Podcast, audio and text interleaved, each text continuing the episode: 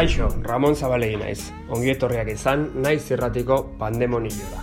Naiz irratian musikaren inguruko podcast bat abiatu genuen 2008 garren urte honetan. Etxeko usta izena duena. Pandemonio hau, etxeko ustaren adar berezi bat izango da. Elkarrizketa sorta zabal bat. Izeiari kaso egiten badiogu, pandemonion grekeraz deabro guztien bilkura ala aingeru guztien bilkura omen da. Gurean ez ditugu guzti guztiak izango. Baina bai gure herriko musikari, bestelako sortzaile, deabru eta ingeruen lagin anitz bat. Pandemonion hitzaren beste esanaia, naspia omen da. Naspia eta kaosa, pandemia demonionek gure herrira eta bestetara ekarri duena. Gure herriko sortzailekin arituko gara solasean, pandemiak haien bizitza eta lanetara ekarri duena ezagutu eta ausnartu nahian.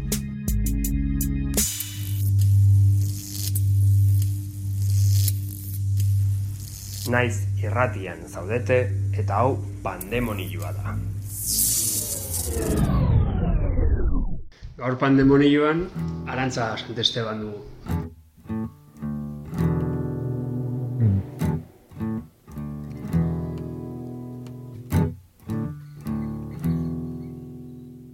The other night after a hard day of work, where I left it all in the ring.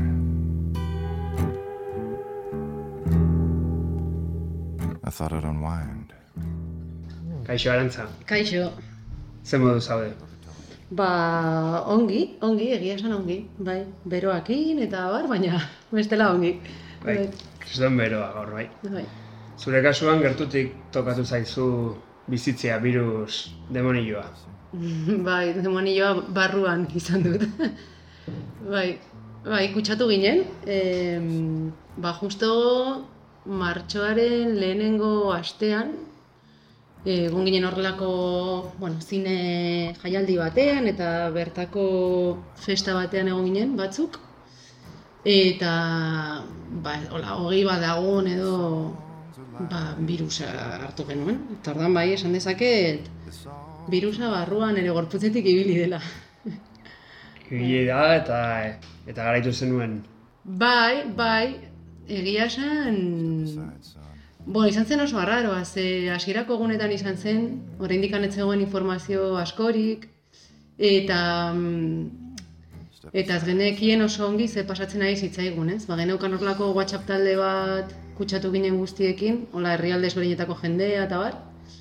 Eta, bueno, orain ez, egiten dut pizka bat atzera begira da, eta esatu, jo, hasieran ginen geunden oso galduta, ez? Ez genekien virusa izango zen edo ez, gero ja esan genuen, ba, ba, hau virusa da, eta mm, eta joan zen nahiko luze, baina bai, oro- orokorrean lagun guztiek, hola, kutsatu ginen lagun guztiek garaitu genuen bitxoa. Bitxo. bai. Bueno, osasun aldetik izan zuen eragina eta psikologikoki ziur ere bai guztiongan bezala. Bai virusak, bai eh, konfinamenduak, baita ere normaltasun berria ditu duten honek. Nola daramazu, zure kasuan, ze sentitu duzu, o ze sentitzen ari zera prozesu luze honetan. Hmm. Ba, nik uste gai, pasatu izana, e, virusa pasatu izanak ere eragina izan duela. Piska nola, nola bizi dudan, nola bizitzen ari naizen. Hasieran hori gaixotu ginelako eta egon ginelako oso luze, ba, hogei bat egun edo horrela, virusarekin. Eta ohean, jota.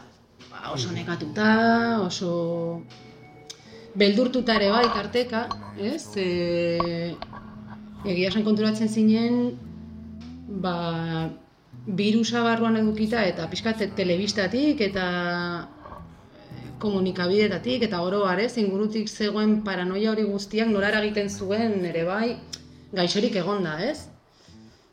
Eta mm, bueno, hori izan zen fase bat, gai- gaixo egotearen fase hori, baina baina bueno, ba ohean lasai onartuz hor zegoela eta eta zainduz, isolatuta ere bai, etxe barruan ere bai isolatuta.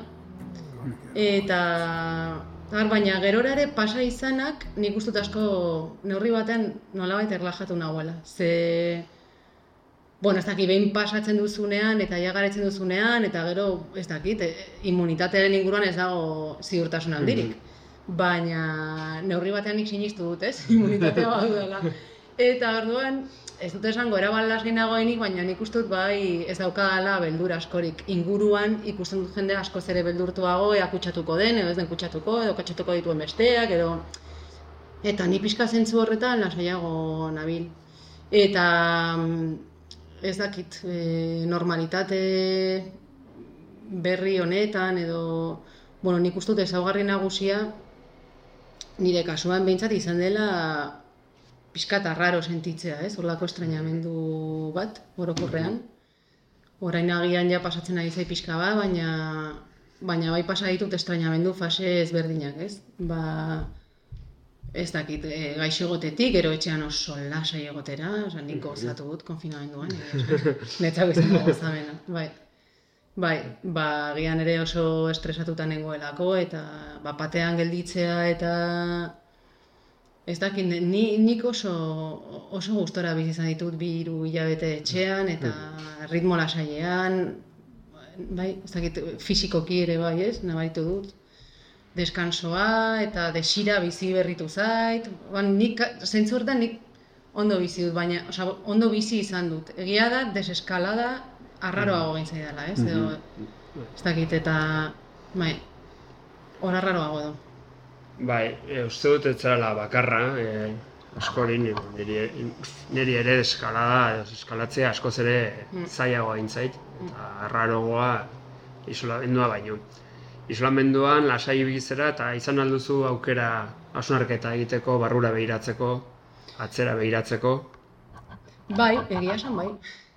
Bai, em, bai izan dituela mo, osea, momentu batzuk ere bai oso, inkluso esango nuke, revelaz, reveladoreak, ez? De, errebisioa egiteko, ez? Pizkate batez ere ritmoaren inguruan, ez? Ba, ze ritmotan bizi garen, eta pixkat hori, hori begiratzeko parada bai eman dit, ez? Eta hori sentitzeko parada ere bai, osea, modu fisikoan, ez? Ba, ondolo egin, dakit, e, bai, lasai, lasai egoteko aukera izan dut, eta, bueno, atz- atzera begiratu baino, la rollo revisionista bat baino, gorputzari utzi diot pixka bat egoten, eta hortik iritsi zait, ez, como señale bat de, ostras, agian polikiago ibiltzea ere bada sanoa, eta bada, bada beharrezkoa, ez? Mhm. Mm.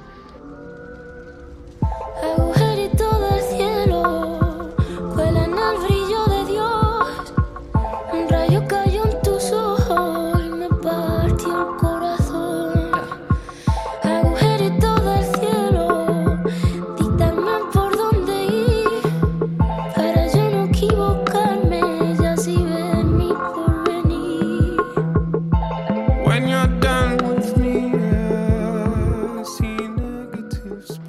Ba, guazen poliki biltzen etzinen garai haietara, eta ze proiektu zenituen martxan, guztia basi izanien, eta nola eragin ziren honek. Ba, justo em, konfinamendu aurretik Iruñako udaletxean nengoen, hiri artea proiektua koordinatzen, kultur garaikideko zentroa. Eta gobernu aldaketarekin, Iruñako gobernu aldaketarekin, e, bueno, ba, nire kanporatze prozesua hasi zen. Orduan egia esan pandemiak edo, bueno, bai, pandemiak eragin zuena izan zen, nolabait eh, atzeratzea pixka kanporatze prozesu hori. Orduan, bueno, nik banekien kanporatuko nindutela eta konfinamenduan egia esan gehiegi ez ninduen, osea, burua ez nuen gehiegi jan horrekin, egia esan eskertu nuen pixka luzatzea. bai. Eta gero privilegiatu bat sentitzen nintzen, ze soldata neukan, ez? Eta esaten nuen, jo, soldata daukat, etxe bat daukat, berogai badago, e, janaria dago, eta zentzu, eta soldata badaukat hilabetero. Orduan zentzu horretan, ba, ez zuen Mhm. asko eragin, ez? Beste goera gogorragoak egon direla, pues badakit, ez? Baina nire kasuan, ba, bueno, privilegiatua sentitzen nintzen. Eta gero bestalde nengoen filma, filma batekin, eta hor bai eragin zuen, ba, geneukala planteatuta rodaje bat maiatza ekaina inguruan, eta bueno, hori ezinezkoa izan da egitea, ez? Baina rodaje horren parte bat Berlinen zen, Bai. Eta, eta hori bertan bera gelditu zen, eta egia esan eragin du, pelikulari eragin dio, ze, bueno, ba, Berlinekoa ja ez dugu planteatuko, eta orduan pelikulan horrek eragina izan du, ez? Mm. Eta nola dago momentu, momentu honetan pelikula horren proiektua? Ba, bueno, luzatu zaigu pixka bat, eta, eta orain ari gara rodajea planteatzen, baina pues bere muga guztiekin. Orduan, karo, mugak dira hori kanpoan badin baduzu rajat, a- egin dezakezu, baina kriston movida. da. Orduan, ba, bueno, pelikula bat Berlinen grabatu behar zen aparte handi bat, pues orain izango da Euskal Herrian. Egingo dugu pixka bat Euskal Herria Berlinera eraman edo Berlin Euskal Herrira ekarri alako zerbait karakterizatu beharko dugu pixka bat ingurua eta eta hemen egingo dugu. Ba, bueno, aurre, aurreagoaz, baina egia da ba, bueno, polikiago, niri ere ez zait gehiagin importa. Osea, polikiago badoaz gauza, ba, polikiago da. Ez dut uste drama badenik. Baduzu eperik edo? E, Aurten, aurten, bai, nahiko nuke aurten amaitu, ze azkenean 2018tik nabil pelikularekin, tartean gauza asko egin ditut, ez dut bakarrik pelikula egin, ni, ni naiz zinemagilea zentzu profesional osoan edo beste egon, egonezin batzuk ditut, eta behar ditut gauza gehiago egin. Eta orduan, ba horrek luzatu du prozesua, pandemiak luzatu du prozesua, baina nahiko nuke aurten bukatu eta bueno, ja, rodajea daukagu horrian eta eta postprodukzioa ondoren, orduan, bueno, bai, bukatuko dugu. oraintxe. filmaren alde batera utzita, Bai. etzea zinemegia zentzu osoan, beste gauza asko egite dituzu. Mm. Sorkuntza aldetik nola ibili zera, bai, konfinamendu garaian eta ondoren. Ba, sorkuntza modu produktiboan baino, eta ez dut nire burua produktibo gotera behartu, eta uste du sorkuntzan ere beharrezkoa direla beste fase batzuk, ez? Ez direnak produktiboak denbora guztian egon behar duzuna pensatzen ze filmatu, nola filmatu, plan de rodaje, ez zer. E, eta orduan egin dut nolabait hartu, ez? Gauzak hartu. Eta orduan, ba, irakurri ditu liburu pila, novelak, e, hasi nintzen saiakerarekin asako, hasi nintzen irakurtzen, ba, pixka, ga- momentuko pensalari guztiak abez esaten zuten pandemiaren inguruan, eta, bueno, ez dakit, ba, zizekek ere ez, aste bakar batean atera zuen Bai. liburu, liburua, e, bueno, Judith Butler eta guztiak hasi ziren gauzak esaten, eta ni nengoen, hasi- hasieran nengoen super engantxatua, en plan, bueno, abez esaten duten, orain pentsalariek, eta pixkat, gehiago pentsamenduaren logika horretan jarri nintzen sormenean baino, ez? Baina gero, une batean esan nuen, bueno, nik uste dut e, gauza pentsatzeko, ez? Behar dela denbora. Guk personak krisiak ditugu bizitzan edo horlako pandemiak ere, ez? Gertatzen dira gure bizitzan beste modu batekoak eta hori gertatzen ari den bitartean ez dugu gaitasun askorik pensatzeko, ezin dugu pensatu. Orduan, esan nuen, ba, igual ez dugu gehiagi, ez? E, estutu behar burmuina eta teorizazioan e, erori, baizik eta pixka sentitu momentu honetan ze gauzak mugitzen ari diren, ez? Eta orduan sartu nintzen, hori hasieran nengoen oso ansiosa eta best esaten duten, eta ber analisiak eta bar, eta gero joan nintzen gehiago lasaitzen, zarata edo pixkate kentzen, eta egon nintzen gehiago ba, ba pelikulak ikusten, novelak irakurtzen, eta jo, gustora. Super gustora. Ez hain beste erantzunak bilatzen, baizik eta dis, Bai. disfrutatzen. Bai, eta ustutze horretan ere bai, ba, ez dakit, goza, beste gauza batzuekin betetzen, ez? Ez rollo produktibo edo, hau, ez baizik eta gehiago jaso. Bueno, hala eta guztiz ere, elkarrizketaren bukara aldera, eh, sartuko gara pentsatzera. eh. Vale, bai, ondo. Baina hori baino lehenago galdetuko dizut ba, zure lan jarduerari buruz eta e, alde ekonomikoaz. Arduratuta zaude, daukagun egoera honekin, edo ikuspegi orokorreko batetik arduratuta zaude Euskal Herrian kulturgintzaren egoerarekin. Bai, arduratuta, baina bueno, osea, arduratuta nago orain, baina arduratuta ere banengoen aurretik, eh. Osa, nahi dute hori ez da zer berria, ez? Baina sormenaean lan egitea oso gorra da.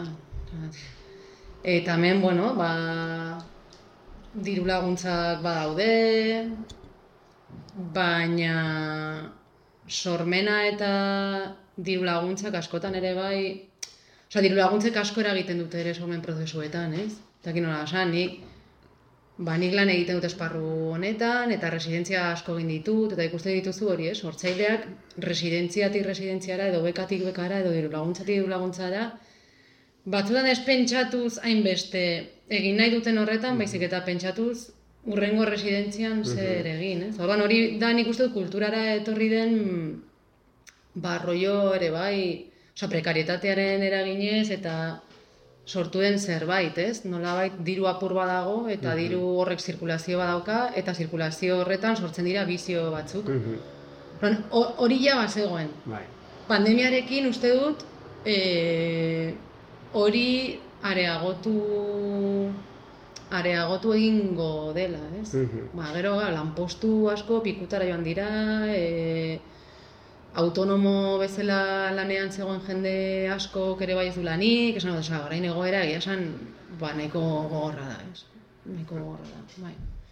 Piskator Nafarroan eta bazeuden artista batzuk, ez? Eskatzen zutenak, piskate batez ere artista plastikoak eta bar, eta eskatzen zutenak nolabait e, indar em, jarri bat zela martxan est, artisten estatuto, ez? Bazela momentu on bat, e, Frantzian dagoen hori, ez? Ba, intermitentzia da, Mhm. piskate sistema hori, artista estatuto hori nolabait aldarrikatzeko azkenean horrek neurri batean eman dezelako, dezakeelako estabilidade handiago bat edo profesionalizatzeko ba, beste aukera batzuk eta eta bueno, uste dut momentua badela halako aldarrikapenak egiteko, baina egia da ez dira ateratzen ari, ez? Bai. Nola ikusten zunzu, baina ez dira ateratzen ari asko, ez? Edo... Ez, artisten ar- artean ez dut uste, adibidez, eh, soinu eta argi teknikarien artean, bai, e, hor, badago teknikario sindikatua, osatu berri dena, eta baita ere, ba, sektore batean oso atomizatuta dagoena, Claro, ba, oso kondizio desberdinekin, Bai. baina, bueno, nola baita elkartu dena, eta Bai. honen arira, pandemiaren arira, bai. Ba, segurazki aspaldi marreko zerbait zen, Claro. baina, bueno, baina ari dira, eta, bueno, Bai. eta honena opa diogu. Bai, bai, bai, jakina. Bai.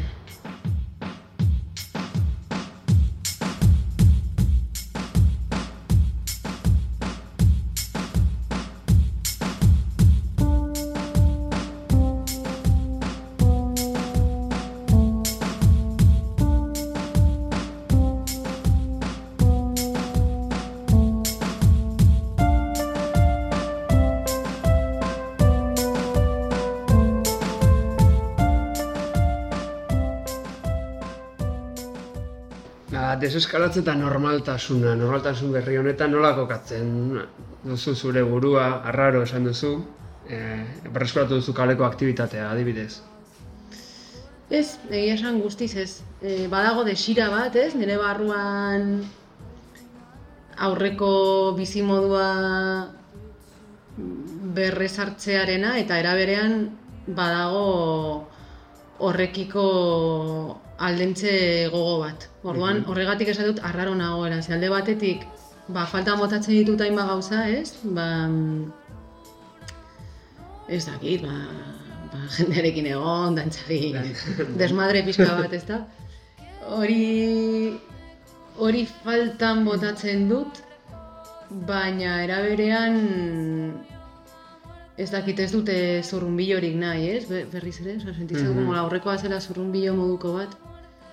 Eta orain egia esan gorputzak esaten dit zurrunbilo horrek ez duela, ez dakit, ez, ez diala honik egiten, ez? Orduan, pixkat kontra esan horretan nago, ez? Salde batetik bago desira bat itzultzeko atzera eta gauza batzu berreskuratzeko eta eraberan Bai, e, bai, ez dakit, e, zerbait ikasi dugu, ez? Pasatu zaigun honetan zerbait ikasi dugu eta ikasi dugun hori oraindikan formulatzen ez badugu ere, hor dago. Osea, gorputzak ikasi du, ez, e, badugu, ez dakit, e, barrutik e, mugitu dira gauza, hainbat gauza, baina ez dugu hori non depositatu. Mhm. Ez dugu, osea, normaltasun berri hori da erabat instituzionala, erabat ekonomikoa eta erabat Baina guk zer egiten dugun horrekin, nik uste dut hitz egin barko genukela gehiago.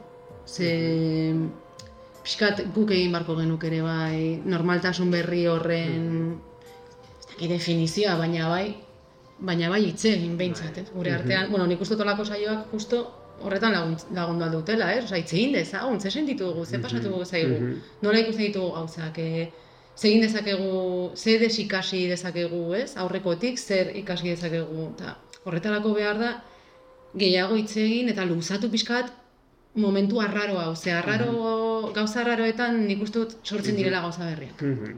Ez, normaltasunen ez dira sortzen gauza berriak. Orduan, ostia, senti, sentitu behar dugu pixka bat e, deserosotasuna hau eta... Normaltasuna bazen gurpil bat oso azkartzi joana, eta et, ez zuna toki handirik usten aldake, aldakatentzako, ez da? Bai. Baina horren arira, mm, ikusten dut e, kudeaketa instituzioen eta gobernuen kudeaketarekin oso deseroso edo, edo konformez dagoen jendea badagoela, eta mm, jarrera batzutan errebeldeak edo intsumisoak, baina oso individualistak direla.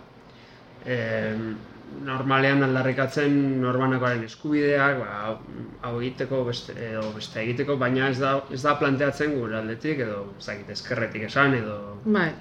edo bueno, kaletik, e, guzti hau kudeatzeko ba, erantzun kolektibo bat, edo behintzat hitz egiteko ba, pandemia nola kudeatu, nola autogestionatu, ez azkenean gure, gure beti izan da hori, Hmm. Eta ez dut ikusten momentu honetan, ez dakit zergatik shokean gaude oraindik, ala, ala, ala ez dakit oso ongi zergatik, baina irutzen zait pixka salbesekin pueda ari dela izaten. Eta ez dakit horren inguruan pentsatu duzun, edo zer iritzi duzun. Bueno, nik ere hori nire kontra esan ditut, eh? talde batetik, bai, badaude oraintxe bertan mugimendu batzuk, gaina eske oso arraroa da, nik, nik ez dut e, zera iritzi oso osaturik, Mhm. ze ez dakit oso ondo nola kokatu gertatzen ari diren mugimendu horiek, ez? Baina egia da, alde batetik ez, ba, badaudela oso kritikoa diren sektore batzuk, ez, ba, maskarillaren kontra, edo, bueno, Bueno, maskarillaren kontra modu simbolikoan, aber, gauza gehiago esate dituzte, eta... Baina, bueno, pixkate kontrol moduko honen kontra, ez? E, eta gero badaude ere, ultra eskuindarrak direnak ere bai, e, zera pixka teorianetan de sálvese quien pueda, osea, liberalismo, ultraliberalismoa, eta, bueno, ba, indartsuenek garai, ez, e, iraungo dute, eta besteak ez, eta Eh, ez dakit zer den honetan ja- jarrera arduratsu bat izatea besteekiko, ez norberarekiko, baizik eta komunitatearekiko. Ez dakit oso ondo zer den hori. Nik ulertzen dut badela zaintza em, Zain, karo, zaintzaren ulermen oso ezberdina daude. Baina badago besteekiko ardura bat eta zaintza ardura bat. Hori maskarilla den, ba, ez dakit, ez dakit oso. ongi. Hori distantziamendu soziala den, bueno, izan daiteke hori gel hidroalkolikoa den, izan daiteke, osea, badira, hainbat neurrik, klau, kolektiboki hartu behar direnak, em, besteen zaintzaren izenean edo. Ez dira igual neurri koherenteenak, igual ez dira neurri, baina nik uste dut neurri batzuk modu kolektibo batean hartu behar dira, ez?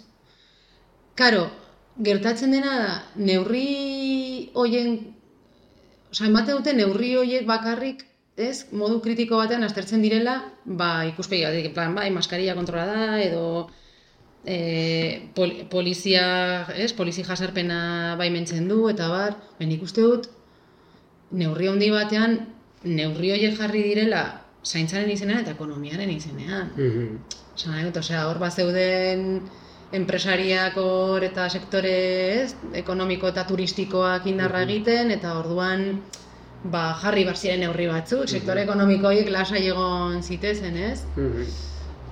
Baina ara berean bestera ze neurri harritzakegu ere bai gure osasuna babesteko edo besteen osasuna babesteko, ez? Ba, ez, nik ez daukat oso argi zeintzu diren neurri horiek, eta uste du gainera ezin dugula oso ondo jakin, ez? Oraindik goiz izango da. Bai. Nik ere ez daukat argi horre- horregatik egiten ditu elgarrizketa hauek. Claro. Ea zerbait ikasten Baina dena dela, nik uste dut, osea, ikuspegi kritikoz aztertzea gertatzen ari dena, dut hori oso beharrezkoa da. Ahora, kritikoa izatea ez da beti e, denaren kontra egotea, edo ez Mhm. dakit, lasan da gehiago pensatzea, ez? Pentsatzea, mm, ez dakit, gauzetan, gertatzen ari zaigun horretan, eta ez dakit. Nik uste dut ere laboratu behar dugula pixka gehiago, hori da daukan sentsazioa. Eta horrendik hango ez da. Mhm. Handik hango ez da, baina ni ziur naiz gauza asko aldatu direla gure Bai. barruan, ez? Behar beste ronda bat egin beharko mendik urte betera edo Bai, interesgarri izango litzateke. litzateke alderatzea. Bai, bai, bai. Maskaria aipatu duzu eta distantzia fisikoa eta behar bada beharrezko neurriak direla, baina baita ere badute be- beraien eragina geure harremantzeko moduan. Bai. Eta harreman af- afektiboetan. Bai, Horrek arduratzen zaitu, ikusten duzu aldatzen ari direla, aldatuko direla, isolatuagoak e, Bueno. daude edo gara. nik uste dut badagola e, denean, ez, beti bezala pues, privilegiatu batzu daudela, ez? Hor, esan harreman sexu afektibo normalizatua dituztenak, normalizatuak ezakit edo estableak dituztenak, esan dezagun, edo hori asebeteta dutenek ere bai, pues, bueno, pues hor, Eta no, esan badute horrelako privilegio, privilegio bat, edo egoera erosoago bat, ez? Saria. Bai, bai. Eta horrek zein dartzen du, ba, nik uste dut dartzen duela neurrendi batean bikotearen, ez? Bikote, gaina, bikote heterosexualaren e, figura, bikotearen figura, ez? Orokorrean. Eta, karo, zer egiten da hori ez duzunean edo hori nahi ez duzunean.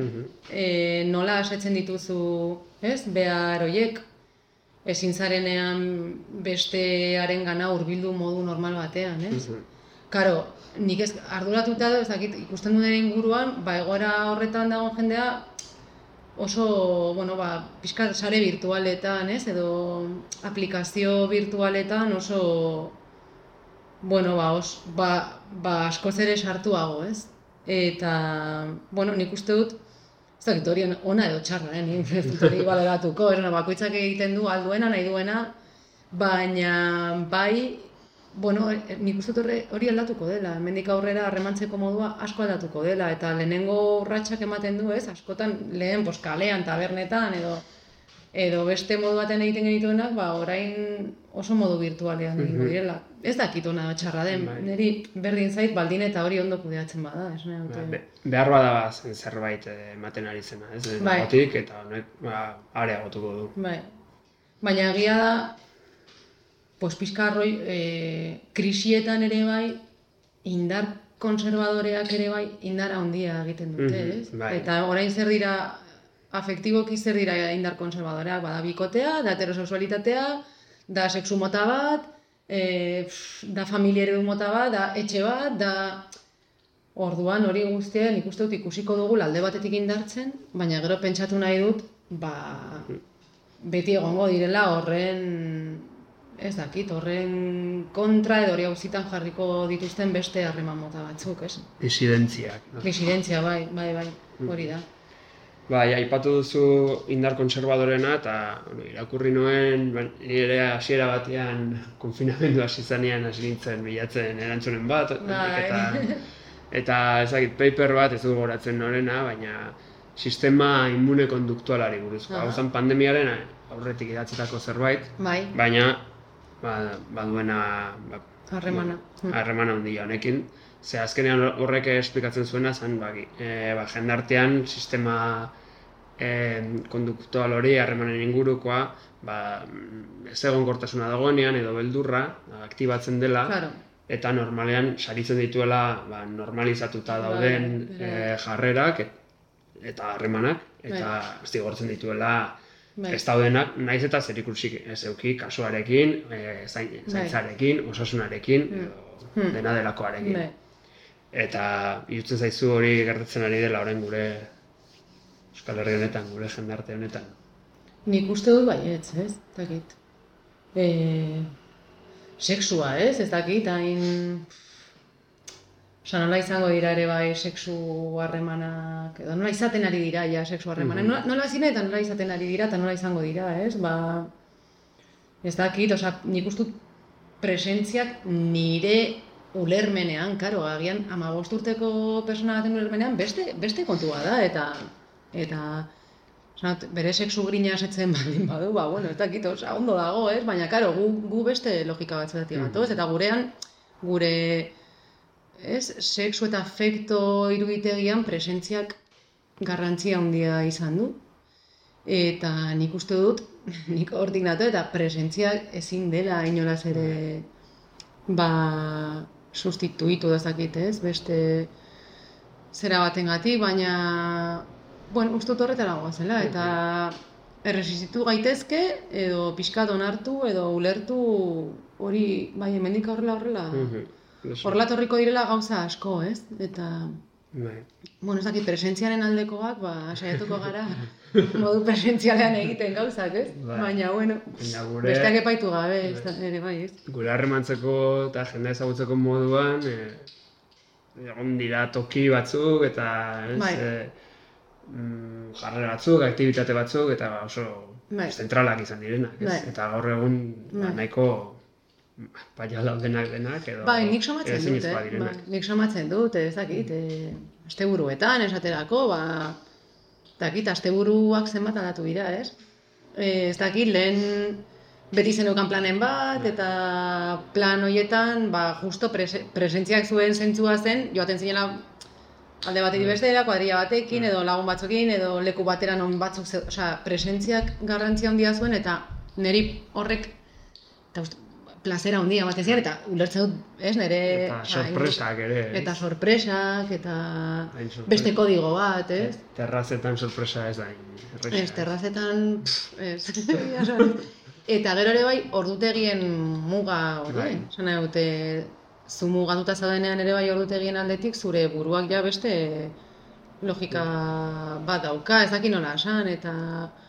Bueno, nik somatzen dut bai, alda, asko aldatu direla asteburuak edo, bueno, denbora librea duzun sakarte horiek asko aldatu direla. Eta oroar, ba, desira bideratzeko moduak, ostia, ba, daudela ere bai neurri batean krisian edo, ez dakit, oso... Eta horrek sortzen du ere... Ez dakit horrek sortzen du tristura puntu bat, ez? Bai. Onartu dezagun. Osea, Bai, ez dakit, bai. e, kasuen dantzarenak. Claro, dantzarena, bai, bai, Ze, bueno, bai. etxean egiten du, bala, Baina da lagun gutxi batzukin, baina, eta ongi daude, baina ez da, Bai. ez da energia bera mugitzen, ez ez, dago, ez, dago fantasia bera. Ez, eta gero da kodigoa, ez, hor... Osea, sare, bir, virtualitateak duena da, eh, ambiguedadearen kodigoa apurtzen dela. Eta nola esan, zu presentziaren aurrean, horbaiten presentziaren aurrean, hor da- hor dago desti, ez? De, destifratzeko gauza asko daude hor, destifratzen dituzunak presentziaren bidez. Mhm. Nola begiratzen duen horbaitek, nola mugitzen den, nola hitz egiten duen, e, mm, ondo lortzen zait edo ez, edo bai, osea, hor, hor dago ambiguedade seinale pilo bat, ez? Hoiek birtu, modu virtualean bapatean askoz ere zuzenagoa dira, bai edo ez, hau edo bestea, e, erakutsi hau edo ez, osea, Eta horrek aldatuko du ere bai gure harremantzeko modua, ez? Eta ez dakit, ambiguedadea eta ambiguedadak zuen leku hori, kodigo ambigu hori hain fundamentala sorpresarako, ez? Bai. Ba, hori ere, ostia, nik uste dut hori ere aldatuko, aldatuko dela, ez? Beste non baiten nagoaz, bai. E, za, langosta edo pelikula horretan bez, bezalako mundu batera. Bai, bai, buf, ostras, gogorra, eh? Bai, Ze gogorra. espero gotzagun ez ez. Ba, arrantza esan Esteban, hori, horiek izan dira gure galderak, ez dakit beste zerbait ditu nahi duzun. Ba, ez, ni guztia gelitu naiz. Oso ongi. Bai. Ba, eskerrik asko, eta behar bada hemendik urte betera, Venga. beste bat egingo dugu, Vale, usteko nun gauden hor. Ba, nik uste izango litzatekela oso beharrezkoa eta oso interesgarria. Bai. Ba, oso ongi. Eskerrik asko zure erantzunak eta zure denbora pandemonioari, pandemonioa. eskintzeagatik, naiz erratiari. Ongi ibili.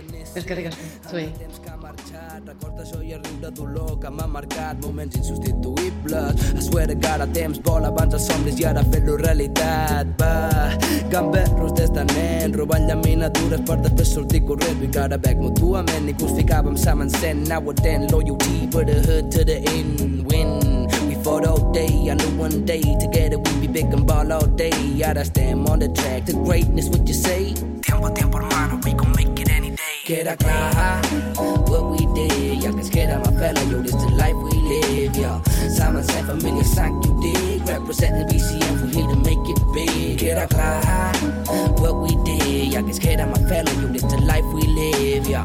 Simon said familiar, sank you dig. Representing BCM, we here to make it big. Hey, my man, we come new. Welcome everybody, let's dance like OG. Per als vells temps i per als nous, merci. Moments de nostàlgia quan penso en l'ahir. Tu te'n recordes les bronques liades de criu i les ganes de córrer. Volíem ser grans i saltàvem a corda. Ara vull ser petit, però el temps no perdona. Puh, els pèls de quan recordo quan sí vaig debutar, la diabetis va entrar. Cinco anys en la mà, però com sempre la motxilla tot ho anem superant, sembla mentida no? 17 anys i sembla mil com míssils ràpids atrapessant el meu mini cor carregat de dol per deixar enrere records per deixar enrere moments i sensacions d'or ha passat molt de temps nen masses coses somriures i ni uns frens. Es palpitar, créixer mà, patir mil cent. Moltes paraules que volen al vent. Ha, ha passat molt de temps nen Sas kanssa sun viudasi newsfans As papi taakas ja paapatti pilseen Multas pattulas kappuran advent he